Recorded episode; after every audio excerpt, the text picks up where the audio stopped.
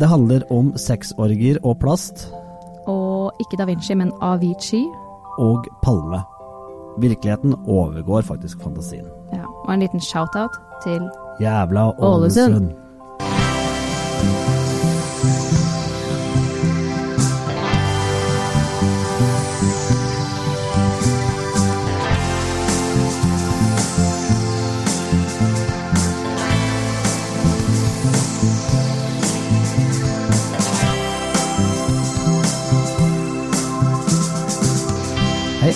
Velkommen til Serieguiden. Denne gangen så har vi fått med den ordentlige reserven, men jeg heter fortsatt eh, Pål Nisje Wilhelmsen. Og jeg heter Thea Winger, ikke med enkel V, men med V. Jeg er ikke borte.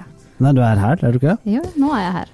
Vi må snart slutte med den TV 2-referansen, for det var ingen som så på det. Ja, det hadde vært fint. Um, vi, må jo, vi må bare si én ting først, og det er uh, veldig internt, men Mio min Mio. Ja. Da er vi ferdig med det. Og så går vi videre. Eh, vi begynner, begynner med en eh, dokumentar som er veldig trist. ja den, er vel, den var vel egentlig Jo, den er kanskje trist uansett. Eh, dokumentaren er Avicii True Stories. Den kom i oktober 2017, så den er jo egentlig ikke megaaktuell fordi at den er ny. Men den er me- megaaktuell fordi at Tim Berg, som Avicii faktisk egentlig heter, eh, gikk bort. Ja.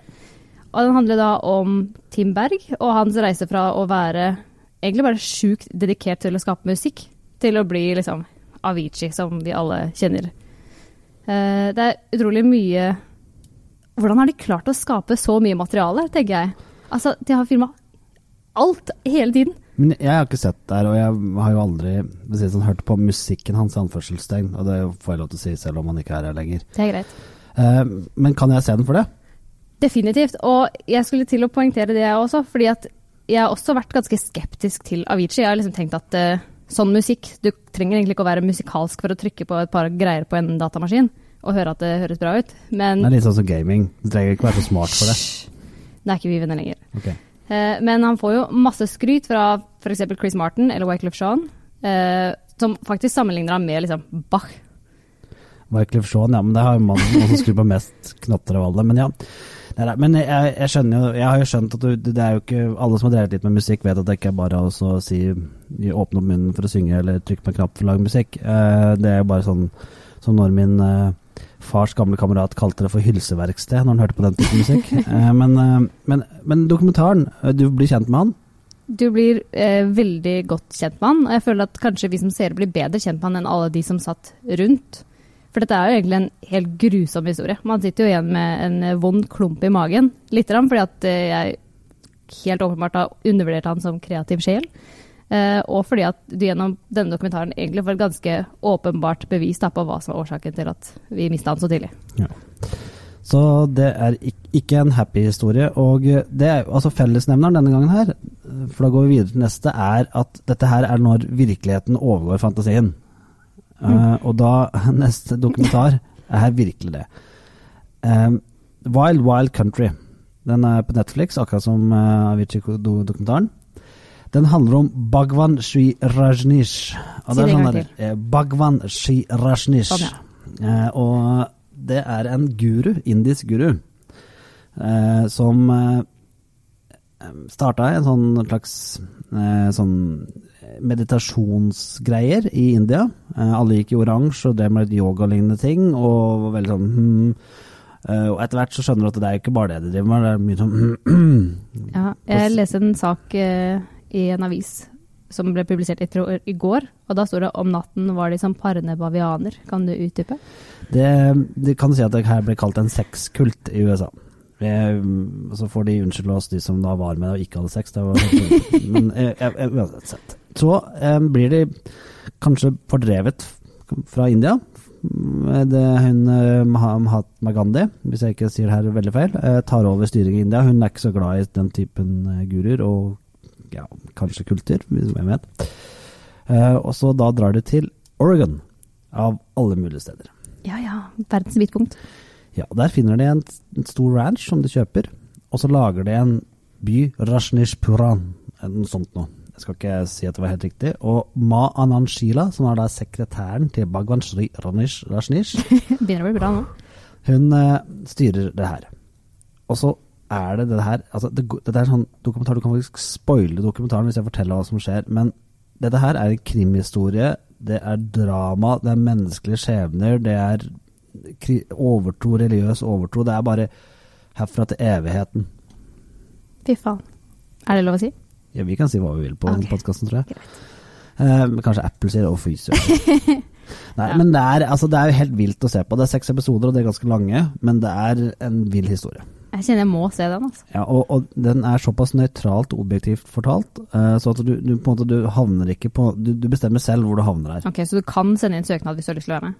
Det kan jeg, for det fint. den her um, guruens læresetninger, den er det fortsatt mange som tror på, og mange som drar til India for å Men jeg er mer sånn Ja. Oregon-type. Kan jeg flytte dit? jeg tror, jeg tror kanskje du hadde reagert kanskje mest på de kristenkonservative Ja, det kan hende ikke Oregon-personene. helt match. Kan hende jeg dropper det. Men uh, se den på Netflix, det vil jeg. Ja, og det er veldig gøy når du ser en av de her altså Det var en av de fra Oregon som sier 'they have sex all the time'. og så ser du mannen sitte der og sånn, himle litt med ja, det kan det kanskje vært noe, liksom. Ja. Det er kanskje noen side effects. Dette er et av de beste TV-seriene som vi har sett på lenge, og dette er en dokumentar. Det er sant. Og det er liksom, ja. Lover bra. Gleder meg. Og så er vi, er vi over på trist igjen, er vi ikke? Åh, jo, jeg er sånn depressiv i disse tider, da. Så Planet Plast er neste. Og det er, er egentlig ikke depressivt. Det er jo egentlig ganske gøy også. Ja, altså Line Elvsås Hagen sånn, Kan ikke folk ha sånn Line. NRK-line. Vi kan ha en Line. Plastline. Hun Plastline? Plasteline? Nei, ok. Ja. Vi fortsetter ikke der. Eh, hun er veldig underholdende og veldig flink, og så har hun laget da en serie om plast og oss i verden. Ja, og det som er så kult med Line, da, er at hun er så sjukt menneskelig. Hun Mm. er liksom ikke noe perfekt eh, miljøforkjemper som ikke bruker noe plast. Nei. Eh, hun får jo Hun er så deg og meg. Ja, hun er liksom helt vanlig, og det er det som er så deilig. da. Og du får liksom, på et punkt her får hun jo hele leiligheten fylt opp av den plasten hun har brukt i løpet av et år. Mm. Og det var en øyeåpner. Så hjemme hos meg så har vi nå blitt eh, litt sånn plastnazi. Eh, har dere gjort noen miljøtiltak hjemme hos dere? Mine barn har nå sett denne serien nå for tredje gang når de ser hver episode. Det var første gang som vi, vi voksne ser på den, eh, og de er bare sånn eh, eh, nå, nå har jeg for første gang kunnet si Nå må du plukke opp det her som du kaster på gulvet. For det, det var jo sånn, du vet hos barn er sånn ispapir på gulvet. Det er søppelkassa. Men nå fungerer det. Så de er blitt uh, veldig miljøbevisste og klare på at sånn skal det ikke være. Ja, men det er fint, da, fordi man tenker liksom ofte også med sånne ting man legger i do, liksom. At uh, out of sight, out of mind. Men her får du liksom sett igjen, da, Ja, og- etter at du flusher. Og det er jo veldig morsomt måten hun gjør det på, når hun konfronterer han ene med Ja, du har kasta et kondom på noe? Ja. Jo. Nei, nei, til slutt jo, du har det. Ja, Ok da. al- alle har det, ja. Bare ikke gjør det fra nå av. Ok, nå vet du bedre. Ja. Og dette er litt sånn som jeg syns NRK skal ha mye skryt for, når de gjør vanskelige ting litt lett å få med seg. Ja, og menneskelig. Menneskelig, ja. Det er veldig mye sånn skyldfølelse rundt i miljøprat, tenker jeg. Eller Ja. opplever jeg.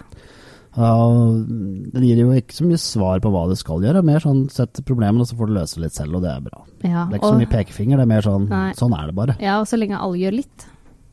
Så kommer man langt. Og grunnen til at det her inkluderer på virkeligheten og overgår all fantasi, er jo, har du jo sagt, når du faktisk får se hvor mye plast du bruker. Yes. Eh, og også når du får se hvor mye plast som faktisk finnes i, fra toalettet ditt, f.eks. Mm. Det er sånn oh, scheisse. Og hvor mye som er i havet. Seriøst, Ja. havet. Jeg vet at Line hyler over det men det er jo havet, dere. Vi har bare sju hav. Nei, det er jo ikke bare ett. Til slutt, du er født i 1990. når, så når jeg spør deg hvor du var når Palme ble drept, så var det, var det ikke for fire år senere du var der? Hvor lenge er liksom en sædcelle inni kroppen? Nei, det er ikke lenge. Nei, ok. Nei, da var det- jeg ingen steder. Det, det er ganske fort. Eh, 1986. Olof Palme skal gå på kino og bli skutt.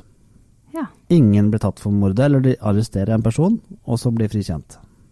Eh, vært et verkende sår i Sveriges eh, kollektive hukommelse siden den tid.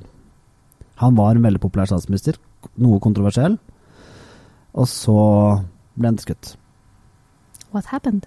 Det, dokumentaren gir jo ikke noe svar, for hadde jeg hatt svaret, så hadde jeg kanskje fiksa det her. Men den gir veldig mange gode teorier, og den forteller i hvert fall hvordan politiet da gjorde veldig mange feil.